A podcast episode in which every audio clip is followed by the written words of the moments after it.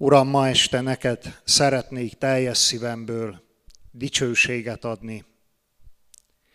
Tied legyen a dicsőség azért, hogy megváltottál bennünket, és hogy utánunk bűnösökért eljöttél. Uram, magasztallak téged, és én hiszem azt, amit Péter Cezáre a Filippiben, hogy te vagy az Istennek a fia. Én hiszem azt és tudom azt, Uram, hogy benned van az élet. Köszönöm azt, hogy megláttál engem is. Köszönöm azt, hogy ma este hallhattam azt, hogy sokunkat megláttál. És aláhajoltál az életünkért, és eljöttél utánunk.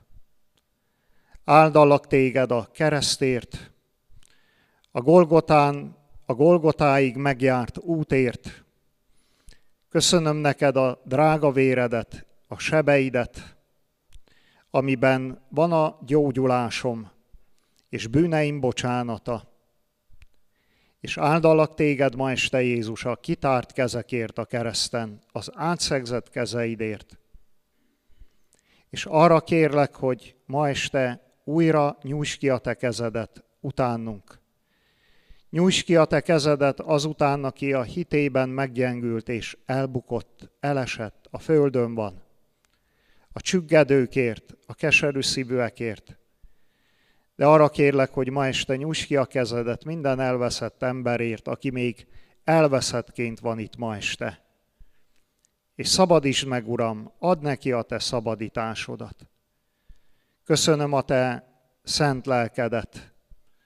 Uram, valóban nem rejthetjük el előle a bűnünket. Arra kérünk, hogy ma este hoz napvilágra, és világosítsd meg az életünkbe a bűnt.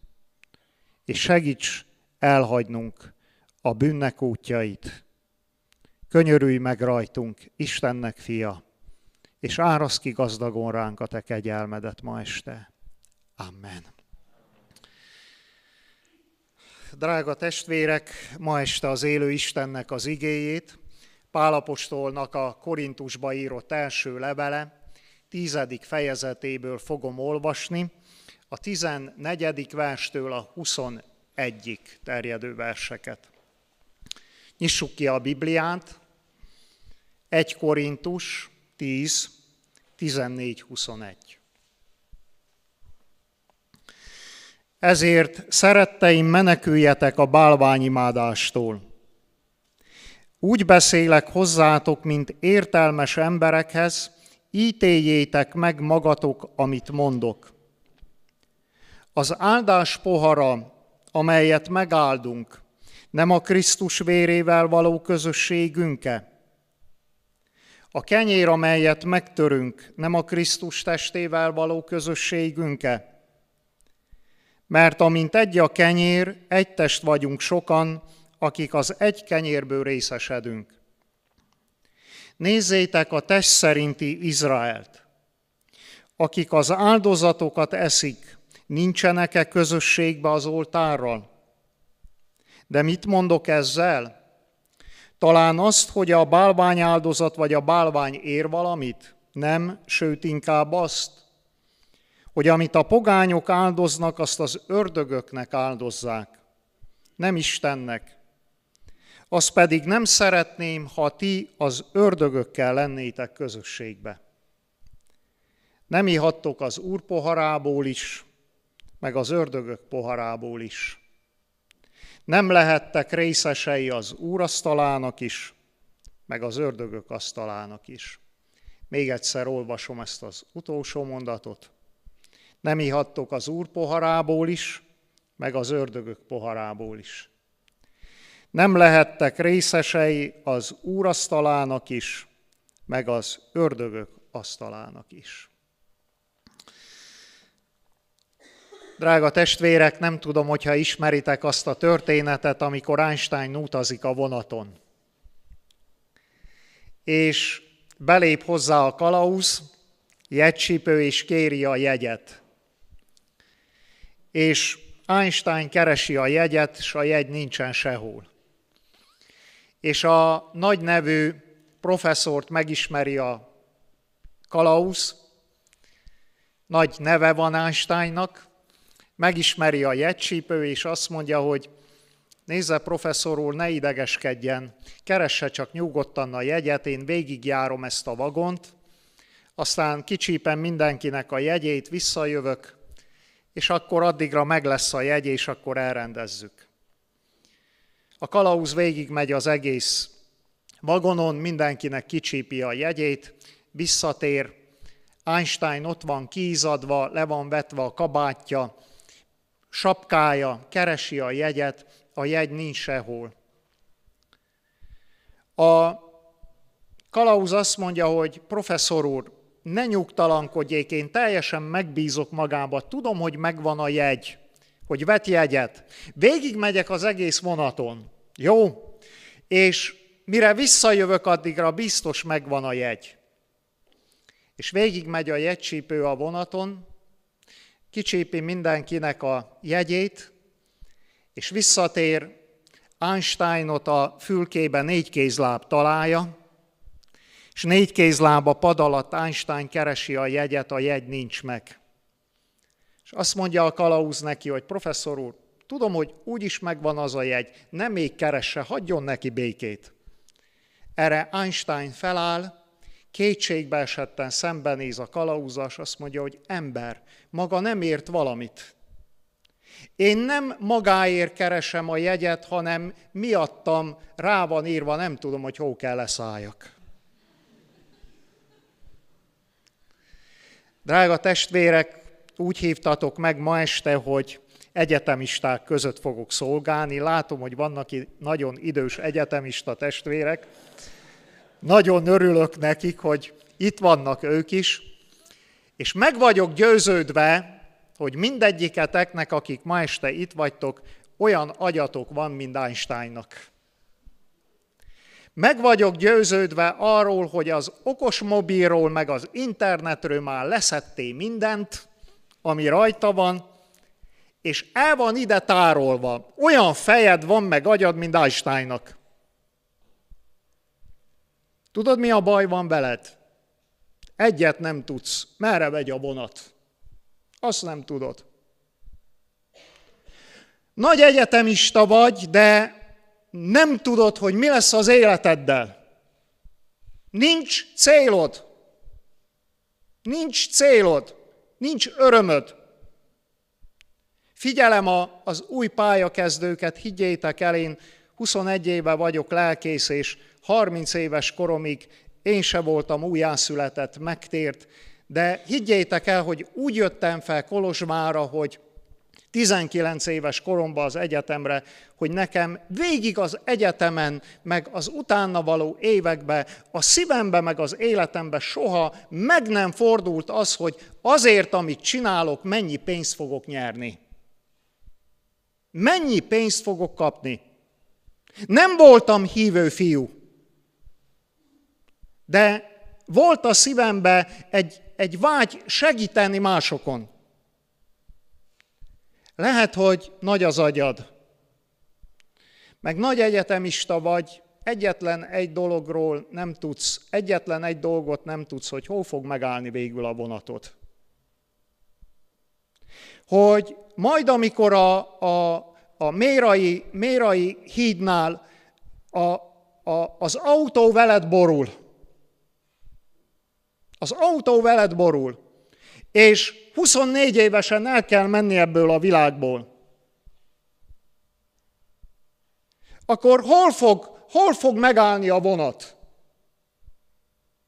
Hol fogsz leszállni majd? Mert szeretnék neked, ma este nagyon komolyan elmondani egy dolgot.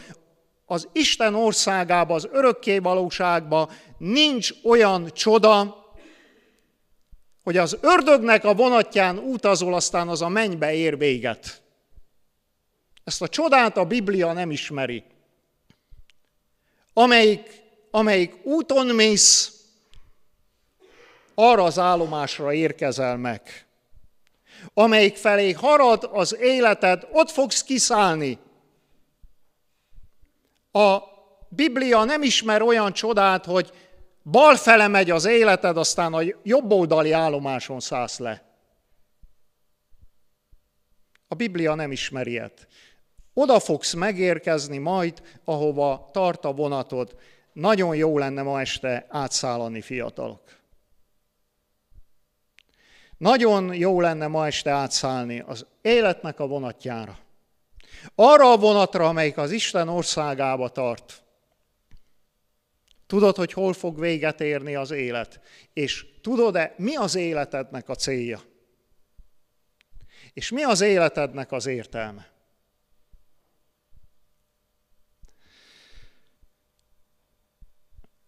Úgy vagyok itt közöttetek ma este, hogy ebben az évben nem nagyon volt szabad estém. Nem tudom azt, hogy mit jelent este beülni egy fotelbe vagy egy karosszékbe, és Duna TV-t nézni. Január 17-től egyfolytában minden este misszióba vagyok. Románok között, ukránok között, Szlovákiába, Magyarországon. És ebbe az évbe, amikor a misszióért imádkoztam, és készültem arra, hogy elmegyek Isten igéjét hirdetni, és holnap után már Szucsáván fogok a stadionban evangélizálni. Amikor elindultam erre, ennek az évnek a missziójára, emlékszek, hogy január 17-én Isten adott nekem egy nagyon kemény igét egy este, hogy nem tudtam elaludni. És ez az ige azon az estén ez volt egy János egy hat. Ha azt mondjuk, hogy közösségünk van vele, de a sötétségbe járunk, hazudunk, és nem cselekesszük az igazságot. És azon az estén Isten egyetlen egy mondatba, fiatalok, négy bűnt mutatott meg. Azt mondod, hogy közösséged van vele, de nincs. Ez az első bűn. Azt mondod, hogy van neked valami közöd az Istenhez, de közben nincs semmi között hozzá. Nem vagy semmilyen kapcsolatban az Istennel. A második az, hogy azt mondod, hogy közösséged van vele, de sötétségbe jársz. Jössz a templomba, mondod, hogy közösséged van vele, de közben otthon az interneten pornófilmet nézel. Azt mondod, hogy közösséged van vele, de sötétségbe is. És a Biblia folytatja, azt mondja, hogy hazudunk, hát normális, nem? Azt mondjuk, hogy közösségünk van vele, de sötétségbe élünk. Mi ez, ha nem hazugság? És a negyedik pedig ez, nem cselekesszük az igazságot. Hát hogy tudnánk cselekedni, testvérek? Hogy tudnánk cselekedni az igazságot? Honnan jönne erő az életünkből? Mennyei erő? A hazugságból? A két fele való sántikálásból? Honnan jönne erő? Ma este azért jöttem közétek, hogy elmondjam azt, hogy miben van az életemnek az ereje. És hogy honnan van az erő. Honnan van erő. Úgy mentem le Hátszegre, én színmagyar faluban nőttem fel, itt Kolos megyébe. Színmagyarul végeztem, érettségiztem, aztán színmagyarul végeztem itt Kolozsváron az egyetemet. 17 év tanulmányomat magyarul végeztem, és úgy mentem le a hátszegi medencébe a románok közé, hogy nem tudtam románul, és úgy szerettem a románokat, mint a cipőmbe a szeget. És Isten a kezembe adott egy román bibliát, és minden reggel háromnegyed ötkor költött. Nem kellett mobilt felhúzni, meg csergőórát. Isten háromnegyed ötkor keltett, annyit kellett testvérek, ami kellene nektek is fiataloknak, hogy a az első szemet kinyitására fel kellene kelni az ágyból. Ez a nehéz. És Isten háromnegyed ötkor keltett, első szemnyitásra le is tettem a két lábamat az ágyból, aztán lementem a konyhába egyedül, megfőztem a kis kávémat, és letettem két széket magam elé, és a két szék közé oda tettem két szivacsot, és letérdeltem a két szivacsra, és reggel öttől hajnali hétig elkezdtem beszélni Istennel. Ott volt velem Isten. És beszélt velem az Isten, én pedig beszéltem vele, és ahogy beszélt, a, beszélt az Isten hozzám, egyik széken a magyar Biblia, a másikon a román, néztem azt, hogy Uram, hogy mondod ezt románul? És tulajdonképpen én a román Bibliából tanultam meg románul, román, románul prédikálni, meg románul beszélni, el nem tudjátok képzelni, hogy milyen nehéz szavak vannak, kimondani ezt egy magyarnak, hogy mladice, meg mriázsa. De hát kell tudni mondani, mert az egyik az az isai törse, az isai hajtása, a másik a háló. Tudjátok, hogy hogy mondják románul a Szentlélekkel, a, a, a Szentlélek pecsétjének? Tudja valaki? Na, hát elmondom, hogy nem stampila Duhului Sfânt, mert ha ezt elmondod egy román templomba, akkor néznek, hogy mi van, hanem úgy mondják, hogy árvun. Ez az, amikor a disznót leelőlegezett, hogy adsz előleget. A Szentléleknek a pecsétje a kezesség, az árvun. Leteszi az Isten a kezességet, hogy csap bele, tedd bele a kezedet ide. Na, hát ezt meg kell tanulni, és négy éven keresztül így ültem a térdemen, hét órakor felkeltek a lányaim, elvittem őket iskolába, és nyolc órától a feleségemmel imádkoztunk, fel, imádkoztunk, tíz óráig énekeltünk, dicsőítettük az Istent, tíz órakor kinyitottuk a parókiának az ajtaját. Testvérek, volt erő. Volt erő. Mert az erő nem az evangélizálásban van, meg a futásban, meg a csinálásban, hanem az erő az Istennel való kapcsolatod mélységétől függ. Milyen mély a kapcsolatod az Istennel? És négy év készülés után Isten kinyitott nekem egy nagy és széles kaput, és azóta évente általában úgy 70 színromán gyülekezetet evangélizálok végig, városokat, falvakat Romániába, és nem egy és nem két este történik meg az, hogy minimum 300, maximum 10 ezer román előtt evangélizálok és szolgálok.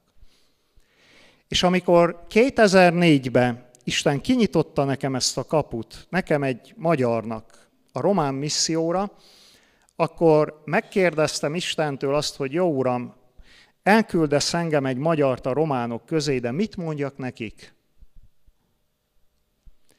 És Isten adott nekem akkor egy igét, és ez az ige, ez volt, amit ma este is itt elmondtam közöttetek.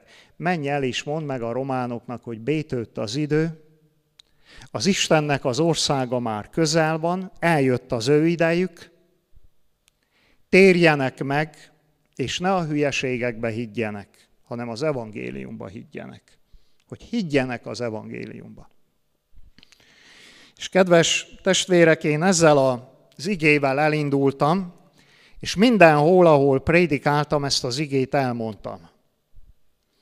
És némely gyülekezetben, többnyire baptista, pünkösdi testvérek között, első mondatra már láttam a mozgolódást a gyülekezetben, néztek egymásra, hogy Vajon Miklós testvérnek az, aki ma este elhívta ide őt evangélizálni, elmondta, hogy hol fog prédikálni? Miklós testvér tudja, hogy most hol van. Hogy mi itt hívők vagyunk, meg hívő gyülekezet vagyunk. És elmondtam ott, hogy testvérek, ne nézzetek egymásra, nagyon jó tudom, hogy hol szolgálok, de még tudok egy dolgot. És ez a dolog, drága testvérek, az, hogy a megtérésnek két oldala van. Megtérésnek két oldala van. Nagyon sok hívő kérdezi azt, hogy miért nincs ébredés. Nagyon sok hívő kérdezi azt, hogy miért nincs élet, miért nincs erő. Miért nem térnek meg az emberek Kolozsváron? Miért nem térnek meg az emberek Erdélybe? Miért nincsen megújulás a gyülekezetekbe?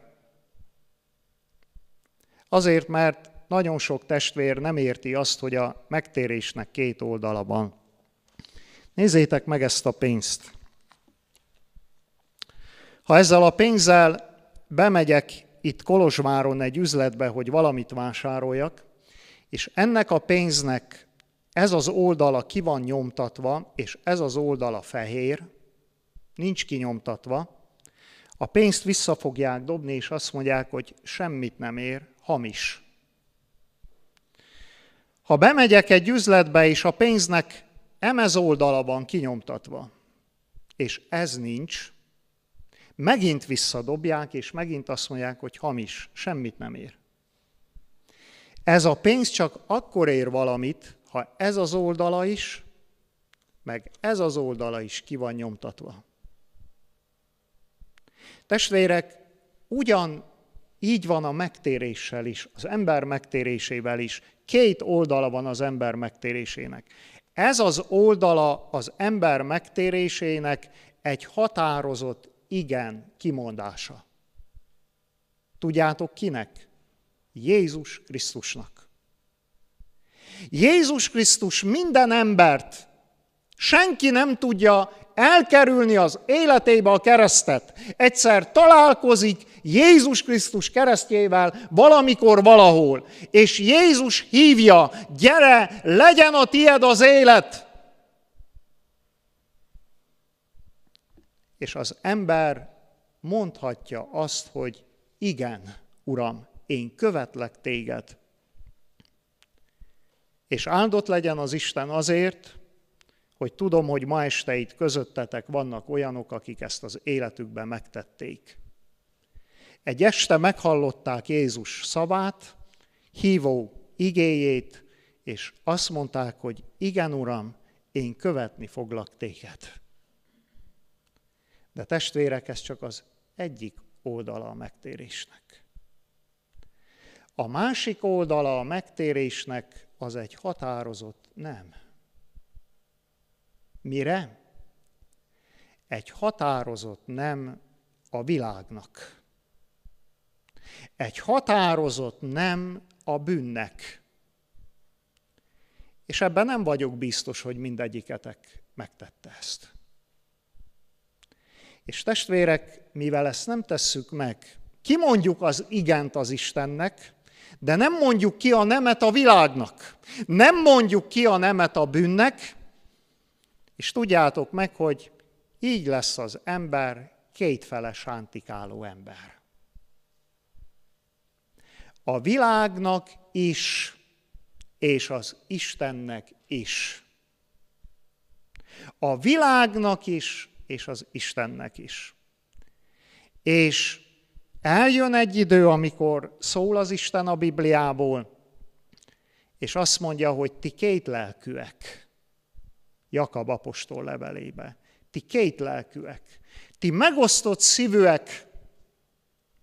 Nem tudjátok, hogy a világgal való barátság micsoda? Mondjátok ki, ha tudjátok. Köszönöm szépen, ellenségeskedés az Istennel.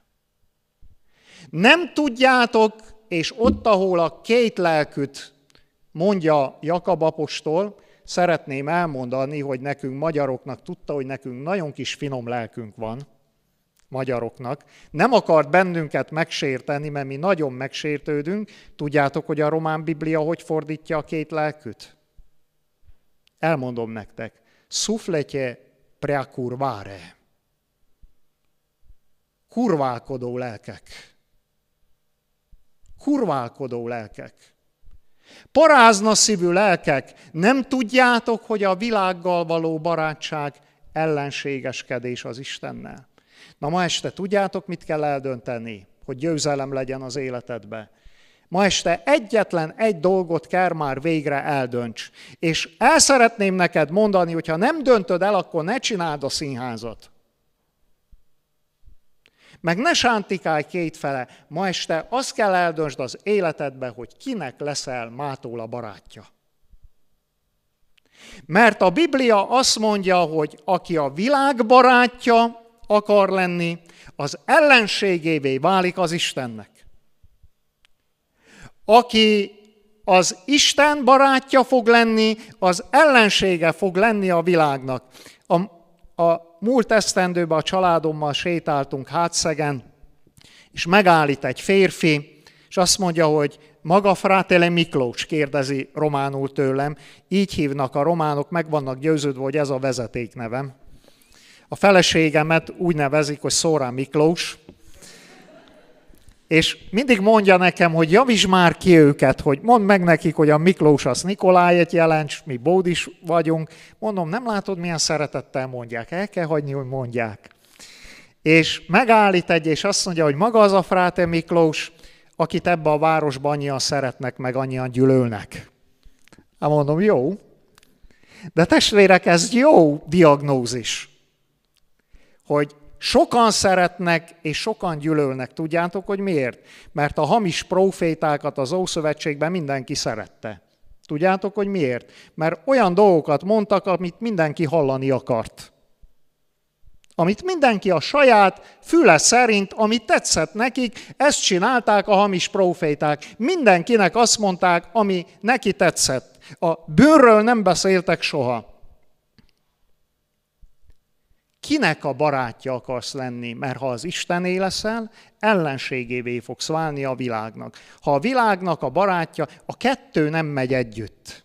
A kettő nem megy együtt. Isten azt mondja, hogy nem ehettek az ördög asztaláról is, meg az Isten asztaláról is. Nem lehettek részesei az, a, az úr poharából is, hogy igyatok, meg az ördög poharából is. Van ez a kiátkozott ortodox pópa, Kriszti Flória testvérem, barátom, és, és hát ő tudna nektek nagyon sok sztorit mesélni arról, hogy mi folyik a román gyülekezetekbe, román falukba, megállanna az ész, ha meghallanátok.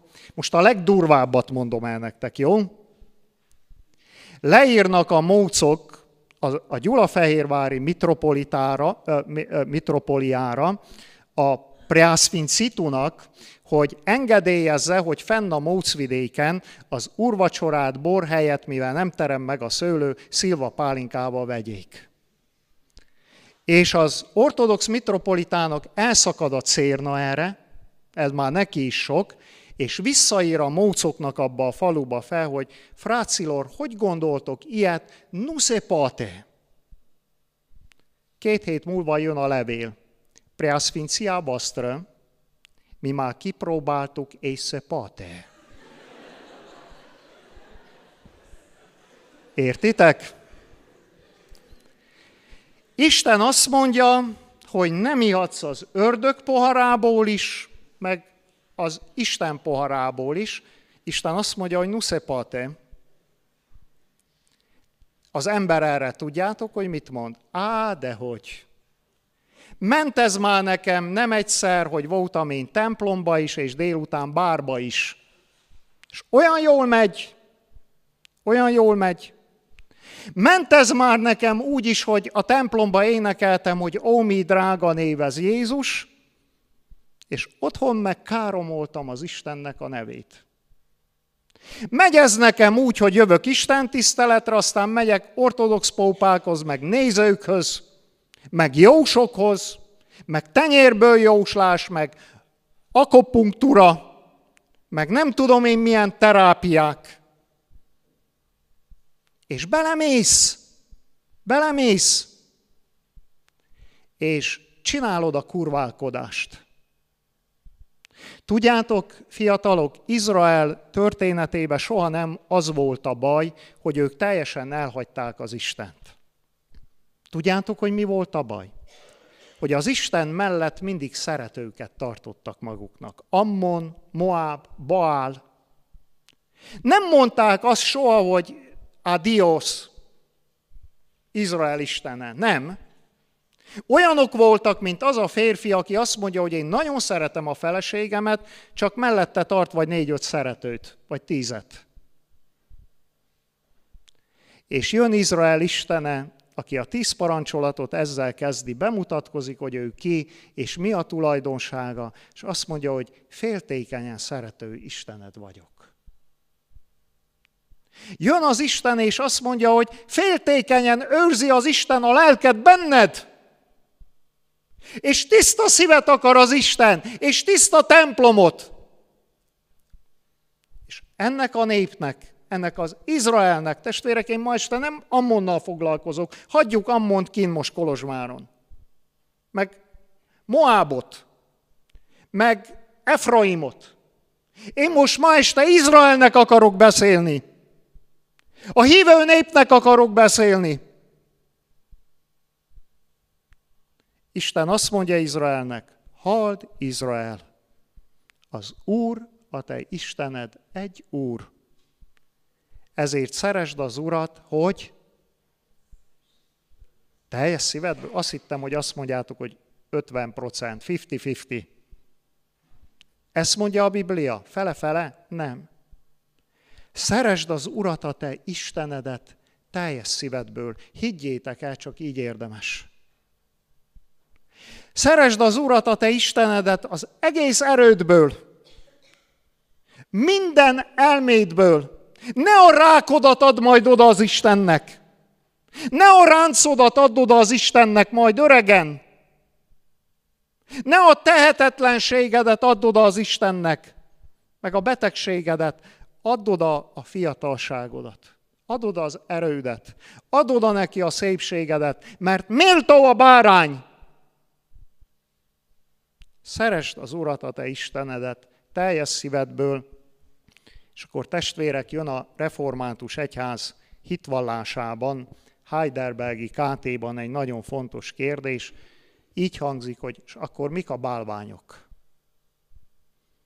És a KT válaszol, és azt mondja, a bálványok azok, amiket az ember az egy élő Isten helyett, és most jó figyeljetek, vagy mellette magának csinál, és azokat imádja, és bizodalmát abba veti. Megmarad az egy igaz élő Isten, hallanátok Erdélybe, meg Kárpátalján, meg Magyarországon kurjongátok, kurjongatásokat a katolikusok, meg visításokat a katolikusok részéről, mikor hozzáérsz Máriához, meg Csíksomjóhoz. Nem meri senki kimondani, mert a minisztertől kezdve a papokig mindenki paráznoságra adta magát. És megy Erdélynek a népe fel fel egy, a Szent Háromság egy örök igaz Isten helyett egy halott nőt imádni. Meg egy halott nőnek a kezébe letenni Magyarország jövőjét. Tehát ezért van itt a magyar nép, ahol van. Egy halott nőhöz imádkozik. Testvérek, ez már kimeríti az okkultizmusnak is a határát. Halottakkal beszélünk. És a halottaktól kérjük a segítséget az ember a Szent Háromság egy örök igaz Isten helyett bálványokat csinál, azokat imádja, egy éve jön az ortodox esperes, és azt mondja szembe akik velem, azt mondja, lelkész úr, az ortodoxoknál már bevezették a három ezeredik szentet, már nekem is sok. Hát gondolom is szegénynek. Gondolom is, hogy sok. Három ezer pirosbetűs ünnep, meg szlusbe, az nem semmi. Ettől, félt, ettől folyt a Baál papoknak az óra fenn a Kármelen, a vérük. Három ezer Isten. Miért? Mert ha nem elég a Szent Háromság, akkor nem lesz elég a három ezer se.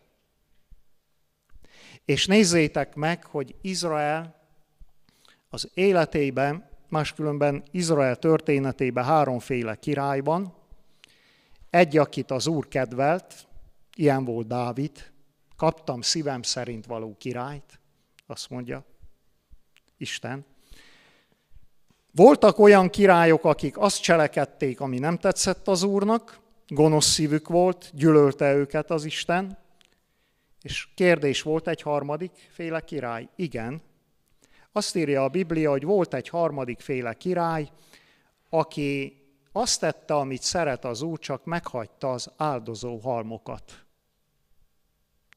És az áldozó halmok a, a, az oltárral szembe ott voltak az áldozóhalmok. És eljut Izrael az történelme folyamán egy olyan állapotra, hogy az áldozó halomnak van 850 papja. Köszönik szépen, jól élnek Izabella, Jézabel asztaláról. A másik oltárnak egyetlen egy profétája van, 7000 ember, aki hisz szétszórva az országba, egy proféta, és azt is Izrael megháborítójának nevezik, és a, a, az Úrnak az oltára Jákob 12 nemzetsége szerint való kő, széjjel szórva a Kármel hegy, hegyének a tetején. Miért? Mert Izraelnek az ideje, a pénze, az ereje, a szépsége mind az áldozó halmokon ment el. Mind az áldozó halmokon ment el. Amikor lekerültem hátszegre, kedves fiatalok, akkor eldöntöttem azt, hogy Istenen kívül senkitől nem kérek semmit. És első évben feláll egy a gyülekezetbe, és azt mondja, hogy tiszteletes úr, mondja már meg, mert mindegyik pap ezzel kezdte az új évet, mennyi lesz az idén a papi bér. Ránézek, és mondom, tudja, hogy mennyi? Amennyit egy hónapba elszív, el, elfüstöl a Baálnak az áldozó halmon. Amennyit elszív egy hónapba szivarra, annyit adjon egy évbe az Istennek. Láttam azonnal kezdi a fejébe számolni, 40 szál egy nap, két csomag, az, az két lej 40 bani, megszorozva 30-szal, 6 millió régi rej, rám néz kétségbe, és azt mondja, sok. Na mondom, Gyuri bácsi, ha ez sok, akkor annyit adjon, amennyit május 1-én fenn az áldozó halmon konyakra, micsre, gretárra, meg bergenbírre elköt.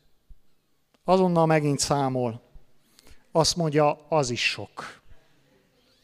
Na mondom, akkor annyit adjon, amennyit akar az Istennek, nem kell papír. Az Istennek nem kell papír. Az Istennek vagy az életet kell, vagy a szívedet adott, papírt neki, tíz lejt, meg, meg száz lejt ne adja az Istennek, nem kell az Istennek papír. Van papírja elég. A szívedet add oda égő áldozatul az Istennek, hogy égjen az oltáron. Melyik oltáron ég az áldozatot? Melyik oltáron megy el a fiatalságot? az időt. Mi mellett tűz tovább? A telenovella mellett, az internet mellett. Látnátok némely gyülekezetbe, evangélizálok, először van evangélizáció a gyülekezetbe, egy óra után hogy nézik a férfiak az órát? Hát mondom, férfi testvérek, álljatok már le, a Barcelona-Chelsea meccs még nem járt le. Az 90 perc a meccs, aztán nem dől el, jön a kétszer 15 perc hosszabbítás. Adjátok csak össze, fiúk. Aztán, ha a hosszabbításba se dől el, jönnek a 11-esek. És ha abba se dől el, akkor rúgják addig még egy elrontja. És érdekes, senki nem kell fel a, a kanapéról, hogy na lefekszek. Lefekszek. Hosszabbítás, első fél ideig elmegyek, lefekszek. Aztán Vége a meccsnek, jönnek a vesztesek, medál a nyakukba. Jönnek a győztesek, átveszik a kupát, puszíják. 40 percig szaladnak a stadion körül, te meg tátott szája nézed, és észre se vetted azt, hogy 3 óra 40 perc elment. Mennyit töltesz reggel a kávé mellett, a duma mellett, a szövegek mellett, a viccek mellett, a plegyka mellett. Testvéri közösségben finom a szendvics meg a virsli. Ott van-e Jézus? Ott van-e Jézus? Ott van-e az életedben Jézus, és mennyit adsz oda? Mennyit adsz oda az életedből? Minden nap kapsz 24 órát, levegőt, oxigént, mozgást. Mennyit adsz oda az Úrnak? Miért nincs ébredés? Azért, mert az életed a másik oltáron megy el. És, drága testvérek, szeretném elmondani ennek az életnek ma este a végét a számotokra. Van a Bibliában egy példázat, Jézus elmondja azt, hogy mi történik, mikor evangélizáció van egy helyen. Azt mondja, hogy amikor folyik az evangélizáció, a magvető kimegy és veti a magot. Ez történik. És számolni kell azzal, hogy a mag, ami elvetődik, négyféle földbe esik. Ezzel számolni kell, ez nem csoda, ezt nem most találták ki, ezt Jézus mondta el. Azt mondja, hogy az első az az, amit én sokszor érzek egy-egy gyülekezetben, hogy amikor prédikálsz, még piccen vissza az ige. Olyan hideg fal van a gyülekezetben, hogy az nem igaz, senki nincs vevő, mert meg vannak keményedve a bűnbe. És nem fog semmit az ige. A másik mag, az a köves földbe esett, sekély, köves, nagyon hamar megfogan, nagyon hamar felnő, de gyenge a gyökere, ahogy kisüt a nap, azonnal elszárad. Ezek azok az emberek, akik egy-egy evangélizáció után a gyülekezetet minden hülyeségbe belevinnék. Nem jó csinálják a vezetők, a pap, a presbitérium, aztán egy hónap után, meg két hónap után nézett, hogy hol van ez az ember, aki itt kavart. Nincs sehol, eltűnt. Hamar felbuzdult, hamar el is száradt. A harmadik föld, azt mondja az ige, az jó volt. Belehúlott a mag, termett a többi négy, másik három veszteség helyett 30, 60 és 100 annyit, és nem véletlenül hagytam a negyediket, a gazos földet a végére. A gazos földről azt írja a Biblia, hogy belehúl a mag, és megfogan, és elkezd nőni. Nő a búza, nő a gaz. Nő a búza, nő a gaz. Nő a búza, nő a gaz. Csak történik valami egy idő után, a búza ennyire megáll. Nem áll meg a gaz. A gaz még egy annyit nő, és elkezdődik a harc a napfényér. És elkezdődik a harc a földből való táplálékért, és a vége az lesz, hogy a gaz rácsavarodik a búzára, rátekeredik, és aratás előtt ledőti a földre, a mag megrothad, és úgy nézett ki, hogy lesz belőle valami, nem lett belőle semmi. És hogy hogy működik ez egy ember életébe, leírja ezt is a Biblia, egy királynak az életébe, Heródes király életéről beszél a Biblia, és Heródesről a legérdekesebb dolgot olvassuk, képzeljétek, járt evangélizációra. Azt írja róla a Biblia, hogy szerette hallgatni keresztelő Jánost. A legjobb evangélistát hallgatta Heródes. És keresztelő János nem akármit prédikált Heródesnek, hanem a prédikációjának a summája ez volt, hogy Heródes nem jó neked a, feleség, a, a testvérednek a feleségével együtt élni. Fordítsam le fiatalok magyarra? Lefordítom nektek ma este. Házasság előtti összeköltözés, paráznaság. Házasság előtti próbaszex, összeköltözés, Heródes, nevezd, ahogy akarod, kalannak, próbának, aminek akarod, az Isten szemébe paráznaság. Isten ítélete is átka van az életeden, és az lesz a házasságodon is. És az ige azt, olva, azt írja, hogy Heródes szerette hallgatni. Tudjátok, hogy miért? Mert a szíve mélyén érezte, hogy ennek a keresztelő Jánosnak igaza van, az nem nyal, mint a többi. Ez az igazat mondja nekem. És keresztelő János lelkiismerete lett Heródesnek. De tudjátok, mi történt? Heródes nem szakította bűnnel. Szerette hallgatni keresztelő Jánost, szeretett élni a paráznaságba.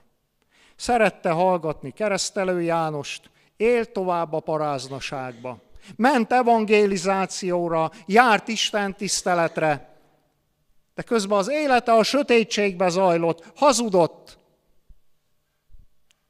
És egyszer eljött egy este, amikor, ahogy hallottuk a bizonságtételt, itt összejátszott a buli, a haverek, a pia, a nők, az ígéretek, a dumák, és az ördög elhatározta, hogy csavar egyet a hurkon. És Heródes előtt táncol egy nő, megtetszik neki, és azt mondja a nőnek, hogy kérjél, amit akarsz, én odaadom neked. És a nő kért. Tudod, mit kérek, Heródes? A lelkiismeretedet.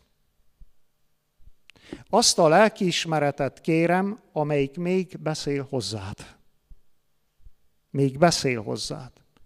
Keresztelő Jánosnak a fejét kérem egy tálcán, vág le, hogy többet ne beszéljen. Ne dumáljon. Ne zsenírozza a lelkiismeretedet. És azon az éjszakán Heródes megölte a saját lelkiismeretét, és nézzétek meg, hogy szűk három évre rá nagypénteken reggel Heródes előtt ott áll az Istennek a fia. És Heródesről megint azt olvassuk, hogy szerette volna már rég látni Jézust. Szeretett volna már rég találkozni vele, látni tőle valami csodát, hallani tőle valami nagyot. És nézzétek meg, hogy az egész nagypénteki történetbe Heródes az egyedüli, akinek Jézus nem mond egy szót se. Egy szót se. Egy szava sincs hozzá. Van Kajafáshoz, van Pilátushoz, ahhoz is van, aki leköpi, ahhoz is van, aki arcul üti. Egy valakihez nincs egy szava se. Heródeshez. Tudjátok, hogy miért? Mert Heródes három évvel azelőtt megölte egy este a lelkiismeretét. Tudjátok, mire kérlek? Ha valaki közületek ma este úgy van itt, hogy nincs még megtérve, nem, nincs átadva a szíve, és úgy érzi, hogy, hogy ő erre még nincs megérve, én nem azt mondom, hogy, hogy ma este erőltesd, ahogy hallottuk az első bizonságtételbe, hogy, hogy erőltetett megtérés, aztán nem tudta, hogy mi van. Egyre kérlek téged ma este szépen a Jézus nevébe, ne öld meg a lelkiismeretedet. Ne öld meg a lelkiismeretedet. Ma, ha az Istennek a szavát hallod, ne keményíts meg a szívedet. Erre kérlek csak. Adj egy esélyt ma az Istennek még. Adj még egy esélyt az Istennek. És ne keményíts meg a bűnbe a szívedet. Hogy majd egyszer eljön egy nap, és az Isten fia veled szembeáll, és beszélne veled, és te meglátod, hogy a barátnőd meg a haverod tér meg, és neked nem lesz kegyelem, mint Ézsaunak. Mert megkeményítetted a szívedet. Odadobtad egy, a testedért, meg a hasadért az Istennek a kegyelmét, ne keményítsétek meg a szíveteket. Jézus azt mondja, és mit használ az embernek, ha az egész világot megnyeri, de a saját lelkébe kárt val. Na, ez a nagy. Evel birkóz meg. Mit használ, ha az egész világot megnyered? Audi, Mercedes, Opel. Fiúk, miért drogozik Mutu meg Maradona? Egyszer láttam Mutut 62 ezer eurós mobillal. Azt se tudom, hogy mit tud az a mobil csinálni. 62 ezer euró. Mit tud azt csinálni? Hogy 62 ezer euró, mondjátok már meg. Miért nyúlnak a droghoz? Lányok, Elizabeth Taylor, hollywoodi filmstár, miért megy férhez kilencedszere? Ezek a nagy kigyúrt pasik, Sylvester Stallone, Richard Burton, meg a többiek, egy se volt jó.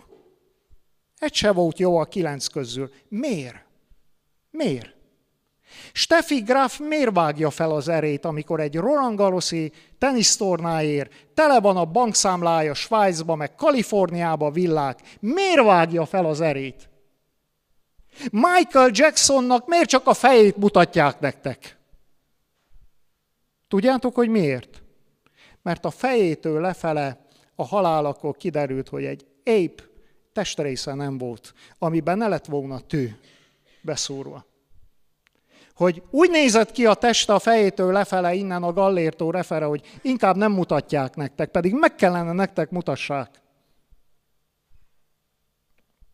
Hogy ki után táncolsz te? Hogy ki után táncolsz te? Miért ment ki egy pénzügyminiszter, Jerikónak a pénzügyminisztere, felmászni egy szúrósvára, nézni, hogy egy koldus keresztül megy Jerikón. Mi vittek Izákeust? Tudjátok mi? Ami téged ma este idehozott, a belső üresség. Hallottál róla? Belső üresség.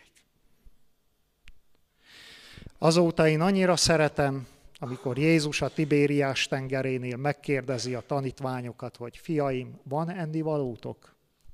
És tudjátok, ott Jézus nem erre kérdezett rá, nem erre volt kíváncsi, hogy, Péter, figyelj, pünköst harmadnapja van, fasírtot ettél ma? János, a töltött káposzta még maradt?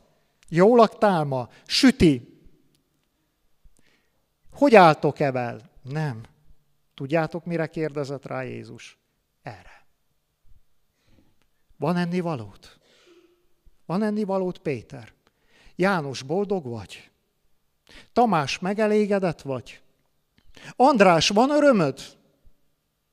Van az életednek célja? Megelégedett a szíved? Van enni valótok? És a tanítványok ránéznek, és azt mondják, hogy nincs.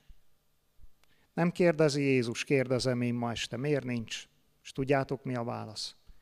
Azért Jézus, mert mind itt vagyunk a profik, a sztárok. Így nevezi őket a hagyomány, hogy az oszlopapostolok heten. Itt vagyunk mind a profik, de te Jézus nem vagy itt közöttünk, és ezért nincs. Ezért nincs.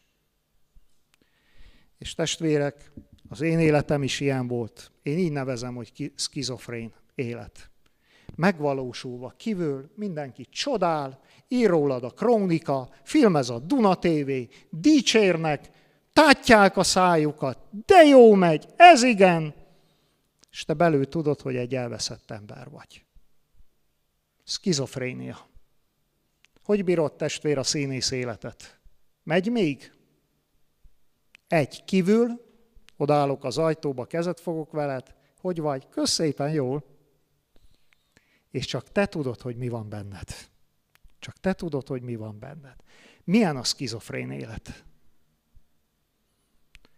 Velem tudjátok, hogy mi volt? Eljött egy este, egy februári este, amikor nem bírtam tovább. Amikor a, a skizofrénia, a valaki azt mondta nekem egyszer, hogy a szemünkkel két fele láthatunk. Így, meg így. Erre, meg erre. A szemeddel láthatsz így, ahogy én most nézlek titeket, és lehet látni befele. Magadba. És egy este eljött, amikor magamban néztem, és megláttam, hogy mi van belül. És ebben a pillanatban az életem eljutott a csődjéhez. Azt mondtam, ha az élet ilyen élet, akkor nem éri meg élni. És leszámoltam a skizofréniával. Tudjátok, hogy hogy? Vettem egy fejszét, meg egy szöveket, kimentem a gyülekezetem cintermébe, a zöldfőbe, és a szöveket levertem sírhelynek. Bementem a parókiára, bezártam az, az iroda ajtaját, és négy sorba megírtam a végrendeletemet, hogy hogy temessenek el. Négy sorba elrendeztem az egész életet el lehet rendezni. És egyetlen egy dolog, volt, amit még meg kellett tegyek, vegyem a feleségemet, meg a két kislányomat, hozzam haza Kalotaszegre, a családi házba, biztonságba, és el voltam számva, hogy a Trabant úgyis kartonból van. Bemegyek egy tírkamion alá, és az a vége a skizofréniának. És olyan egyszerűnek tűnt és vettem a családomat, beültettem az autóba, de tekintettel, hogy három napon keresztül felkelt bennem a démonvilág, akit megtűrtem magamba. A démonvilág, és el akart pusztítani, három nap és három éjjel nem aludtam semmit.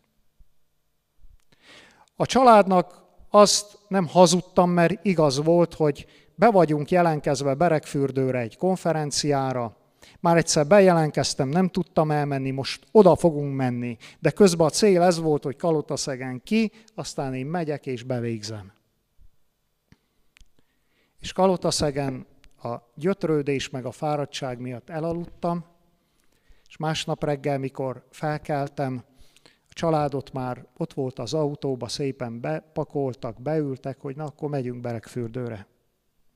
Hát most mit mondjak, hogy szálljatok ki, mert én a tír alá megyek. Beültem a kormány mellé, elindultunk. Nem akarom, hogy ezt az útat valaki átélje, fiatalok. Kalotaszegtől ki Magyarországon, a magyar határtól még 100 kilométer Berekfürdő, ahány kamion jött velem szembe, mindegyik kamionnál jött a fülembe egy hang, most csavard meg a kormányt. Csavard meg a kormányt! Azt parancsol neked, akié vagy. Egy este elveszíted a kontrollt. Egy este majd nem azt csinálod, amit te akarsz, hanem azt, amit parancsol az, akié vagy. Csavard meg a kormányt. És jött egy csendes hang, de hát nyomorult ember, itt van hátul a feleséged, meg a két gyereket, be akarod vinni őket is a kamion alá. És valami mindig visszacsavarta a kormányt. Magyarországon megállított a rendőrség, meg, megállítottak az útszélén, leellenőriznek, megbüntettek, olyan keserű volt a szívem, megyek a halálba, aztán még a rendőrség is büntet. 2000 forinttal, volt 1000 forintom meg valami apróm, odaadtam a rendőrnek, az aprót visszaadta, azt mondja, adjon ember engem, most zörögjön itt a zsebembe. Tudjátok, miért büntettek meg? Akkor hallottam először életemben, hogy az autó négy kerekén négy egyforma gumi kell legyen. Jöttem a nagy erdélyi nagy pap püspöki titka, aztán négy keréken négyféle gumi, és mindegyik gumiból kiszeg, meg drót, úgy el volt kopva. Rám néz a rendőr, azt mondja, jó ember maga nem tudja, hogy veszélyezteti a családja életét. Ó, gondolom, nekem mondod. Nekem mondod. És az autó ment, ment, és megállott Berekfürdőn a megbékélés háza előtt. Hétfő este volt, kezdődött az evangélizáció, senki nem ismert. Megérkeztem egy rongyos farmerba, koszos farmerba mentem, Biblia nélkül. Addig mindig lógott velem a Biblia. Akkor úgy kell, kimegy Bibliával tír alá, már ne haragudjatok. Meg új ruhába, nyakkendőbe. Kiöltözik fel. És megérkeztem oda, a testvérek, akik láttak, azt mondták, Miklós, rossz volt rád nézni, 30 évesen, egészségesen. Így jártam az udvaron, mint akinek egy mázsás kő van a hátán, a bűnöm, a bűneim. 30 évnek a bűne egyszerre. Na majd meglátom, aki azt mondja, hogy majd öregkorába tér meg. Mikor átszakad a 70 évnek a bűne, na akkor lássalak akkor lássalak. Mert én harmincat nem tudtam elviselni, a harminc év bűnét. Roskadoztam alatta. Még lássam én, hogy 80 évesen hogy hiszed el, hogy van bocsánat, pedig lesz akkor is, csak te nem fogod tudni elhinni. Nem fogsz tudni öregen megtérni. Hát már most annyi bűnöd van, hogy látom rajtad, hogy alig bírod. Hogy fogod akkor bírni? És beültem a hátsó padba, nem ismert senki ott a gyülekezetbe. Ebéd után még átszöktem szembe a megbékélés házába, megittam az utolsó kis Amstel sörömet ebbe a világba. Nem tagadom, fiatalok, amíg szomjas voltam, ittam. Megkóstoltam a Jézus borát azóta. Azóta nem iszok. És azon az estén elkezdődött az evangélizáció, és a szószékre kiment egy rákos lelkész. Elmondta, hogy az apja teológiai professzor volt, ő lelkész lett, és dugivó lett. Dugivó az volt, hogy tisztán ment fel a szószékre, aztán bement a parókiára, bezárta az ajtót, aztán lösböly. A felesége, amikor megtudta, hogy kihez ment férhez, majdnem beleőrült. Egyedül a felesége tudta, hogy ki, ki, ki, ki, ki a férje. És 40 éves korában ezt az embert megszól, egy nagyon kemény ember volt, megszólította Isten, és adott neki 22 évet még. Azon az estén Nyirokmirigy Rákoson prédikált, fel volt dagadva a nyaka, az, ami elvitte Antal Józsefet, fel volt dagadva a nyaka, és elkezdett beszélni arról, hogy nincs senkie, pár nap múlva meg fog halni, meg is halt, pár hétre rá, a rákba, és láttam ezt a lelkészt, ő is református, én is, ő is pap, én is, de, de ő beteg, meg fog halni, én meg itt vagyok 30 évesen, egészségesen, Uram, de szeretnék így a halálba menni, ahogy ez. Miért ragyog ennek az arca? Miért csillog ennek az embernek a szeme? Milyen van ennek, Uram, ami nekem nincs? És ez a lelkész elkezdett prédikálni egy véres királyi székről. Elkezdett prédikálni egy körről, amit az Isten letett véres kézzel a Sionon. És azt mondta, aki rááll erre a kőre, annak élete lesz. Aki jön ehhez a trónhoz, annak ma este hirdetem, hogy megbocsátattak a te bűneid. És életed lesz ő benne. És általa. És tudjátok, hogy mi történt? Ebben a pillanatban átéltem egy fantasztikus érzést, eltűntek az emberek a teremből. Érzékeltem, hogy ott vannak, de mintha ne lettek volna ott. Eltűnt az ige hirdető a szószékről, már mintha nem lett volna ember, hanem jött egy hang, de a hang nem emberi hang volt. Éreztem azt, hogy az ember itt most csak egy cserép, akit használ valaki. És tudtam, hogy a hang velem a leghátulsó sorba a teológiai specialistával, aki a teológián az államvizsga, ö, ö, ö, államvizsga 975-tel zártam, még kellett volna 025 százalék és szintiszta tízessel végezem el a teológiát, velem a teológiai specialistával beszél az Isten. És az Isten hívott, Miklós, gyere, gyere, gyere, add át magadat, gyere! És ebben a pillanatban középen felragyogott egy kereszt. Nem volt valódi, mert ha valódi lett volna, akkor a 80 ember felugrik a terembe, és azt mondja, hogy látjátok? De csak Bódis Miklós látta. Nem látomás ez, a terem ilyen volt, mint itt, csak én, nekem kellett látni.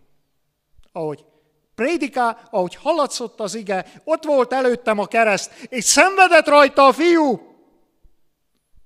És ebben a pillanatban középen megy egy ember ki a kereszthez, egy kard van a kezébe, és a, a, a kereszten szenvedőt átszúrja.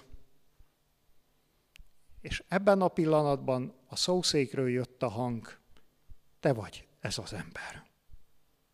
Te vagy ez az ember. És azon az estén Bódis Miklós szeméről lehullott a lepe.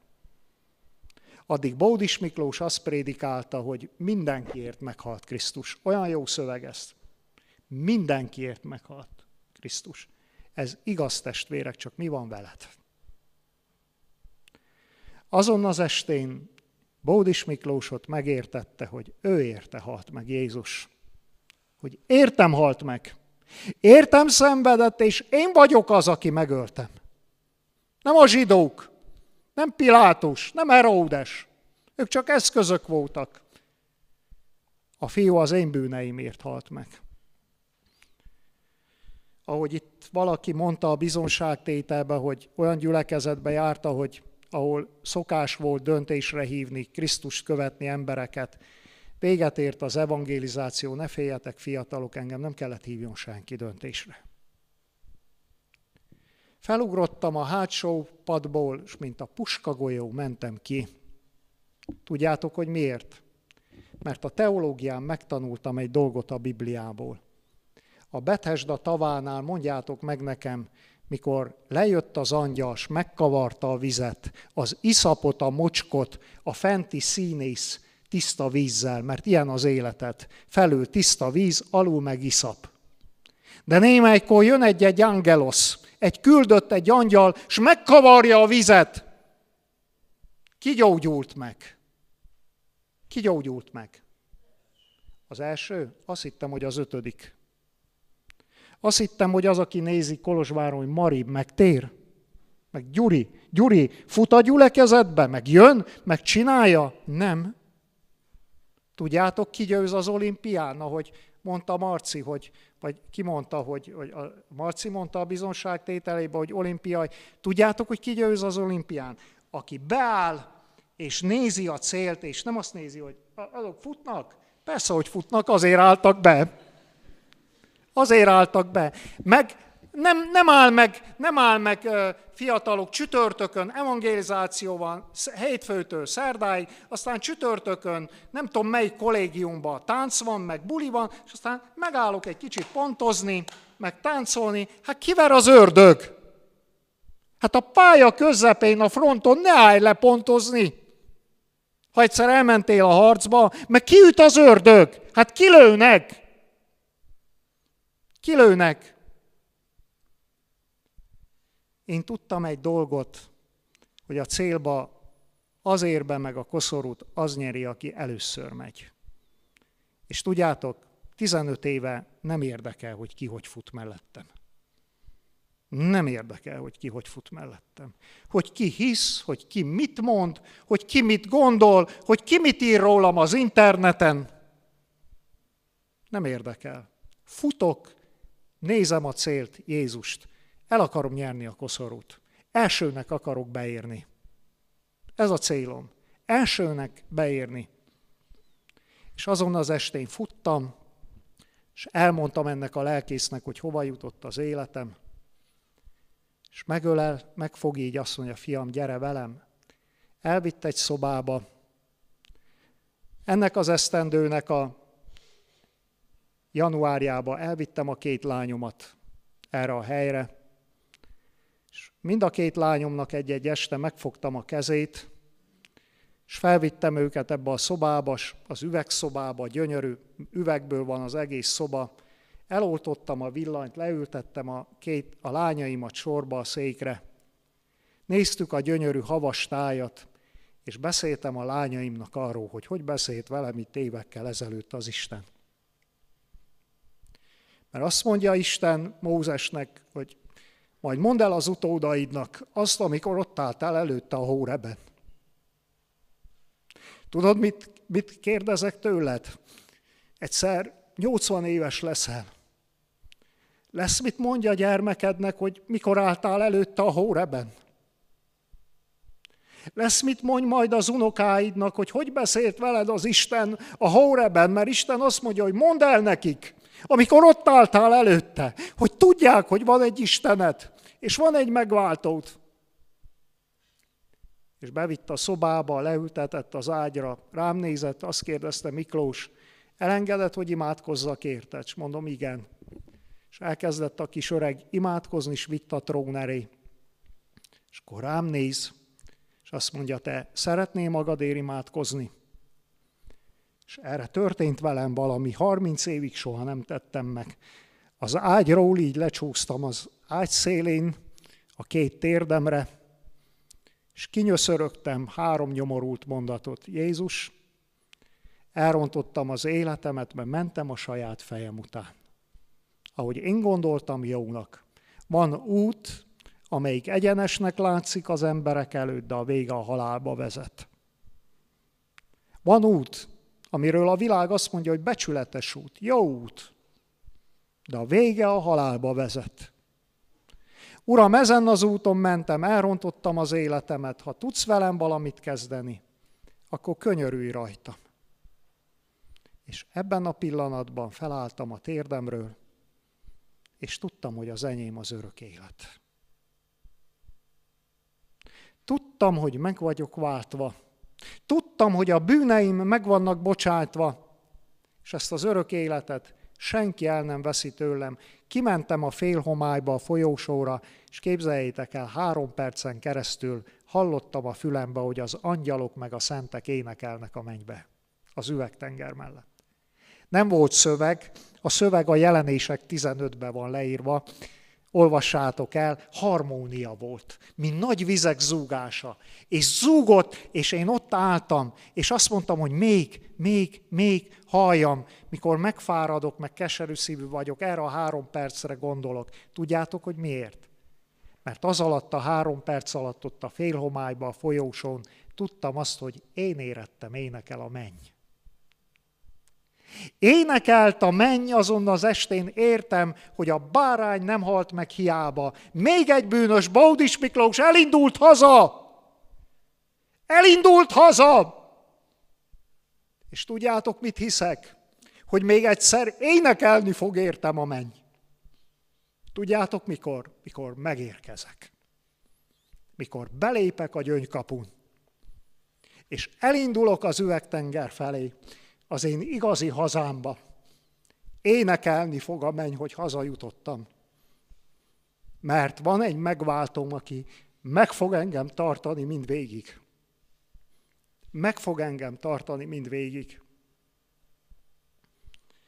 És én azon az estén leszámoltam a világgal. Azon az estén meghalt a világ nekem, és én is a világnak. És akik olyan testvérek vagytok, akik ismertetek azelőtt, meg ismertetek azóta, azok tudjátok rólam azt a bizonságtételt, hogy nem a világnak élek, hanem Krisztusnak élek. És neki akarok élni. És őt kérem arra, hogy őrizzen meg engemet az ő szeretetébe, hogy megmaradhassak mindvégig. Ma este szeretnélek benneteket is döntésre szólítani fel.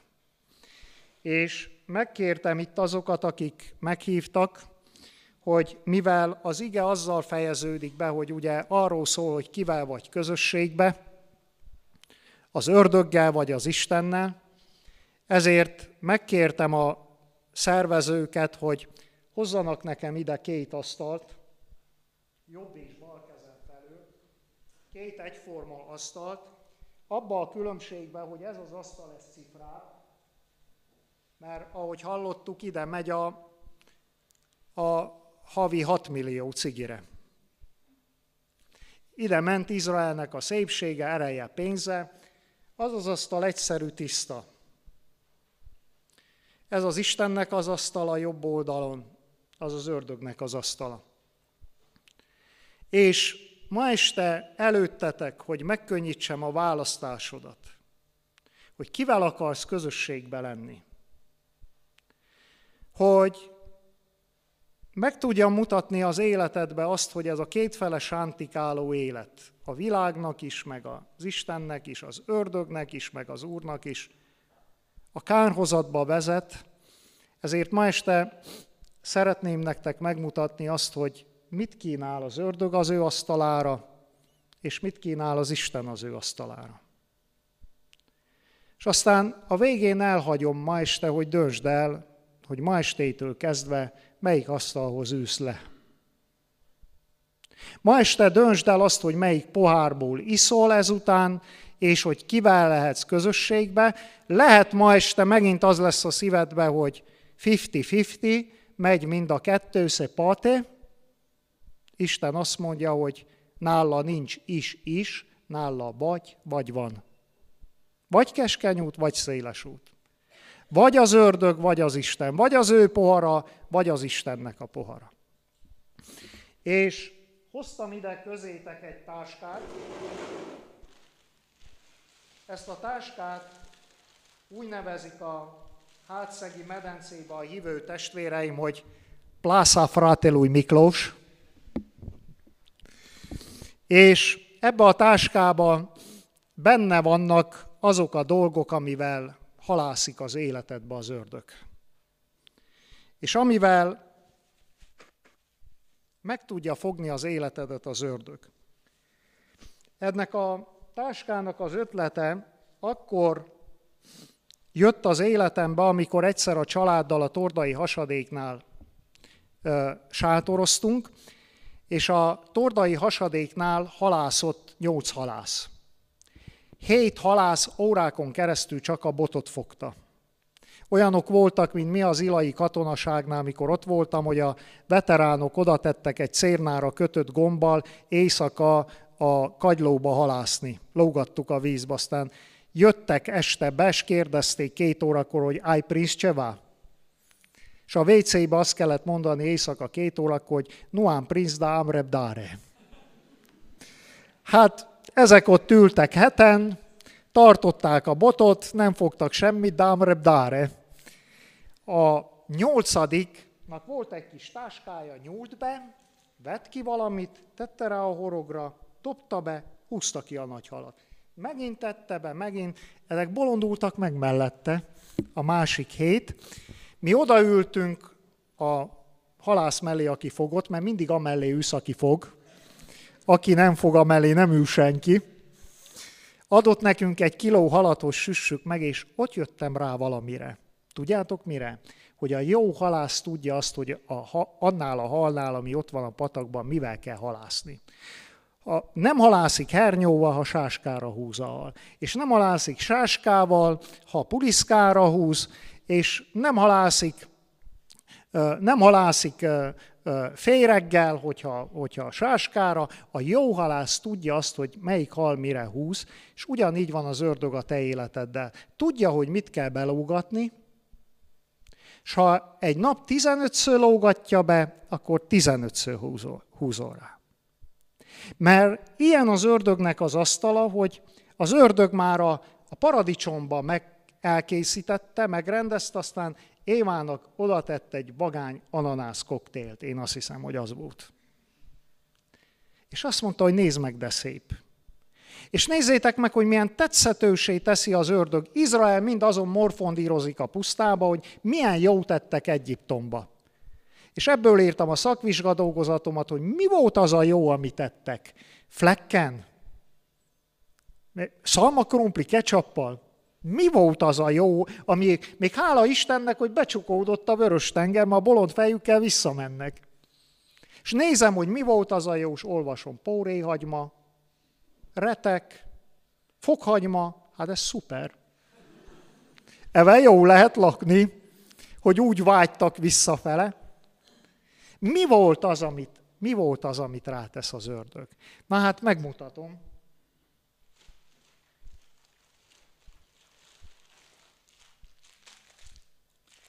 Az első, amivel halászik az ördög, az ez. 139 forintért vettem a Marcali Tesco-ba Magyarországon, az van ráírva, hogy lencse. 139 forint.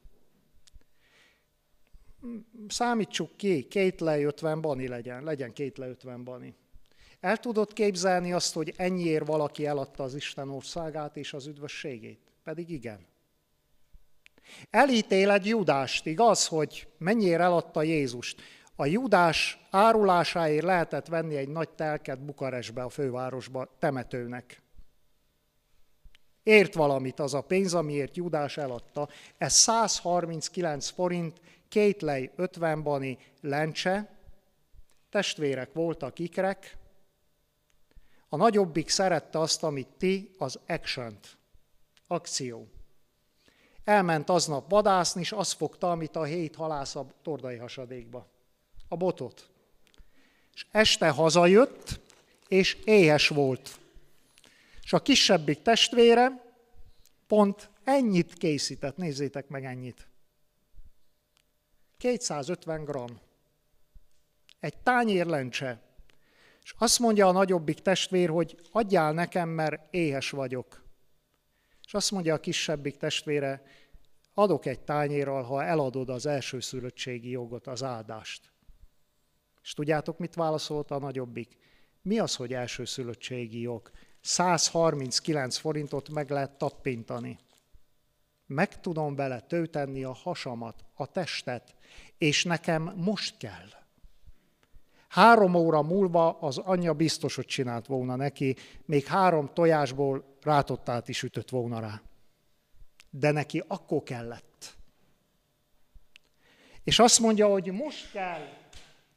És a test mindig azt mondja neked, hogy most, most vedd el, most csináld meg, most!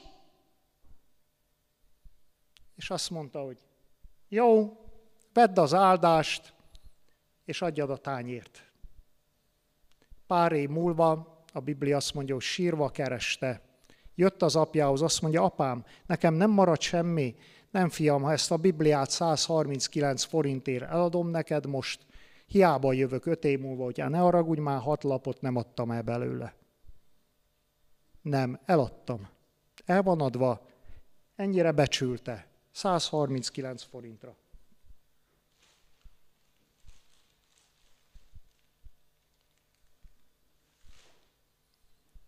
Ez mennyi fiúk? Van két lej 50 bani? Hátszegen két lej 30 bani vettem, olcsóbb, mint az. Ö, rendeztünk egy evangelizációt, ott, van egy mér, ott volt egy mérai srác, 19 évesen, lehet, hogy ma este is itt van. Oda jött hozzám, és azt kérdezte tőlem, hogy tiszteletes úr, ha megtérek, még egy üvegsört megihatok? És mondom, tudod, mi van veled? Ott vagy a mennyországnak a küszöbén, egy lépés kellene tegyél, hogy gyere be, hívlak be, gyere kóstold meg a Jézus borát. Kóstold meg egyszer a Jézus borát. És akkor dönts, el fogod dönteni, hogy melyiket fogod inni a kettő közül. De egyszer kóstold már meg azt, amit Jézus ad. A Szentlélekben való örömöt. Ennyiért el akarod adni az üdvösségedet? Tudjátok, hogy miért van ide téve ez az akasztó? Székely nyitotta ki a bicskájával. És azt mondja neki a fia, hogy édesapa, hát az azért van oda téve, hogy kinyissák. Igen, fiam, azt azoknak tették, akiknek nincs bicskájuk. Azért van ide téve, hogyha neked egy bulinna, hogy hallottátok a bizonságtételt, tízszer lógatja be az ördög, akkor tízet húzol le. Ahányszor belógatja, érdekes, mindenki arról beszél a 15 decisek, hogy egyel kezdték. Egyel kezdték. Aztán az ördög sorra lógatta nekik be.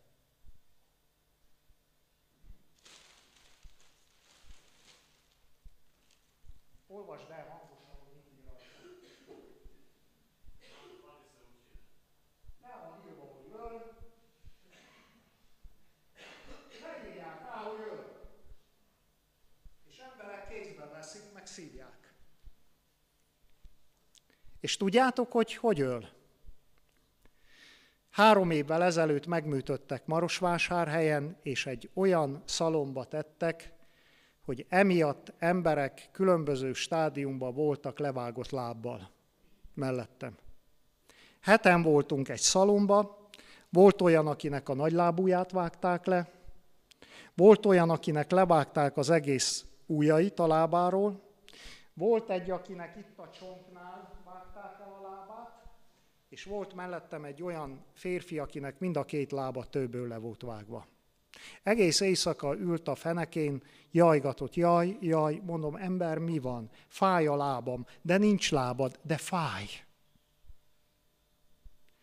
És hoztak mellém egy 25 éves marosvásárhelyi fiatalembert, megműtötték, levágták a lábujjait, cukorbeteg volt és nem gyógyult a seb, befáslizták, hoztak egy mosdótálat a lába alá, mert átütött a vér a fáslin, lógatta így az ágy mellett, mert olyan kínja volt, ordított, hogy neki hozzanak egy botot, hogy szúrja oda be és piszkálja meg, mert már nem bírja, és csepegett a vér a fáslin keresztül, így pik, pik, pik a mosdótálba, mosdótál telt vérrel, olyan kínja volt, és bejön hozzá a főorvos, és azt mondja, hogy ember, két hete a feleséget szült egy gyönyörű kisfiút. Akarsz vele focizni? Akarsz vele sétálni a parkba? Egyre kérlek, tedd le, és lesz lábad. Három óra múlva tolószékkel ott volt a folyósón, és szívta. És az orvos megy fel majd 20 centiként. 20 centiként. És vágja. Lehet, hogy ma este mosolyogsz, egy nap eljön az idő, hogy a gatyádat is eladnád magadról, csak szabad légy. Azon a napon jusson eszedbe Kolozsvár ez a hely, és jusson eszedbe, hogy a hátszegi lelkész azt mondta, hogy van valaki, aki meg tud téged szabadítani. Az angyal azt mondja Máriának, nevezd Jézusnak. Nevezd, hallod? Hívd Jézusnak. Nevezd Jézusnak, mert ő fogja megszabadítani az ő népét annak bűnéből. Eljön az idő, mindent odaadná, csak szabad légy. Nevezd Jézusnak, mert ő fog téged megszabadítani akkor.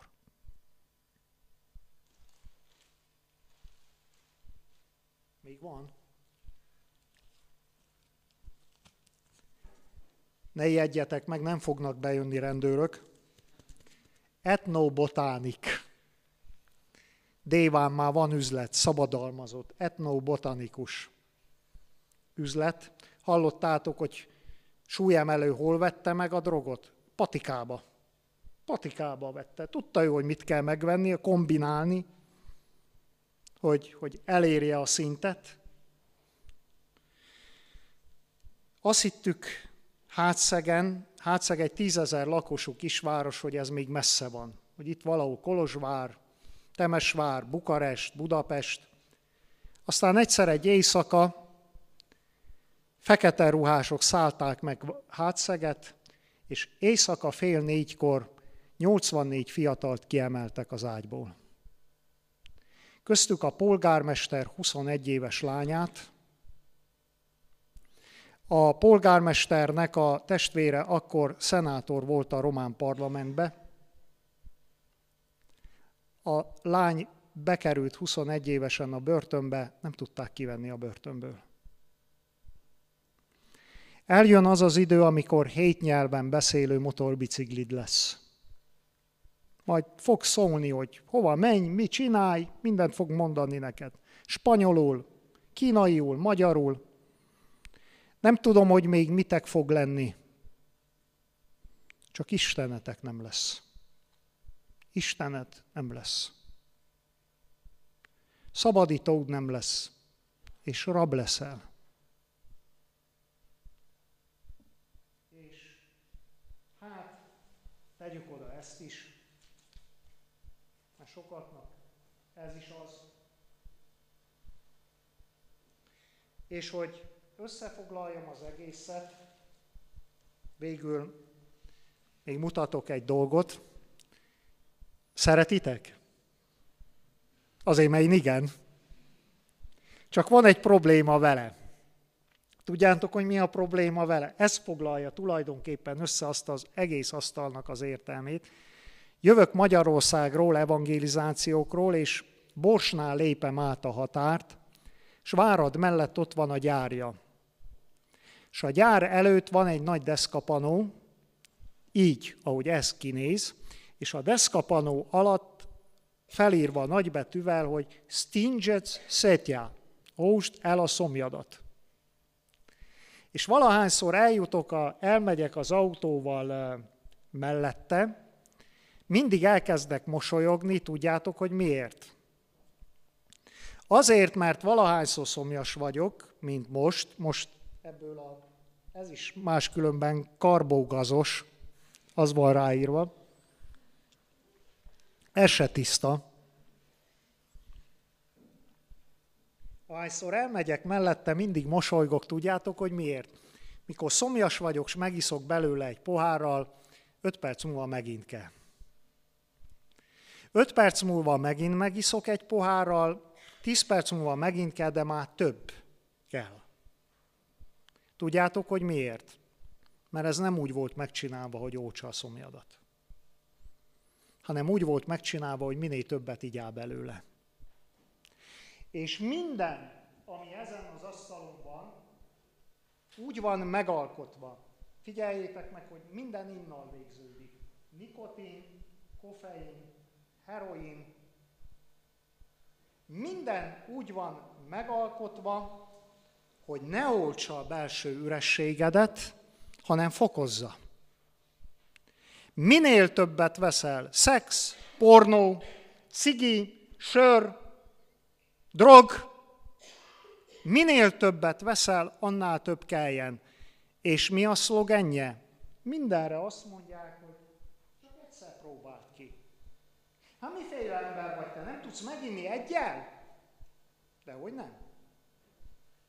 De hogy nem, meg lehet inni egyel, csak a helyzet az, hogy az ember, meg ez is úgy volt megalkotva, hogy az ember, hogy nem tud uralkodni, és ezek pedig úgy voltak megalkotva, hogy nem útják a belső szomjúságodat, hanem fokozzák. És ez az asztal csapdává lett Izraelnek, és csapdává lesz neked is, mert ez az asztal, meg minden, ami rajta van, úgy van megalkotva, hogy csapda legyen a számodra. És akkor még maradt egy, amit az Úr kínál. Tudjátok, mi van ebben? Ma hajnalban 5 órakor indultam a Retyezát alól. Ott lakunk 14 éve a családommal. Ha felkelek az ablakból, a Retyezátot látom. És a Retyezát alatt vannak már olyan faluk, amelynek a lakossága szinte száz százalékba hívők. Azért hoztam onnan a vizet, mert ha az egész falu hívő, azt jelenti, hogy ott jó a kút. Ott jó a víz. Ha egy falu megtér, akkor ott azt jelenti, hogy ott jó víz van, ott jó forrás van. És ez a víz onnan való, a retyezátból, tudjátok, hogy milyen víz ez? Töltök neked ma este egy csészével, megiszod, aztán olyan leszel, mint Illés azt írja a Biblia, hogy ett a kőről meg a reketyebokor alatt 40 napig, meg 40 éve ment a pusztába. Hát ez kaja volt. Ez kaja volt. Hogy 40 nap és 40 éjjel menjél annak erejével, ez olyan, nem olyan, mint az, hogy 5 perc múlva azt mondod, hogy megint szomjas vagy, töltök neked egy csészével, megiszod, és azt mondod, hogy elég. Még ezt is ide tesz. Ez a kettő az, amit kínál az Isten neked. Ennek a gyárjától 50 méterrel odébb, két szilvafa között van egy elkorhat kereszt, rajta egy rozsdás prékrisztus, és valahányszor jövök el, s látom ezt, s látom a korhadó keresztet, ahogy ránézek a keresztre, mindig eszembe jut egy iget.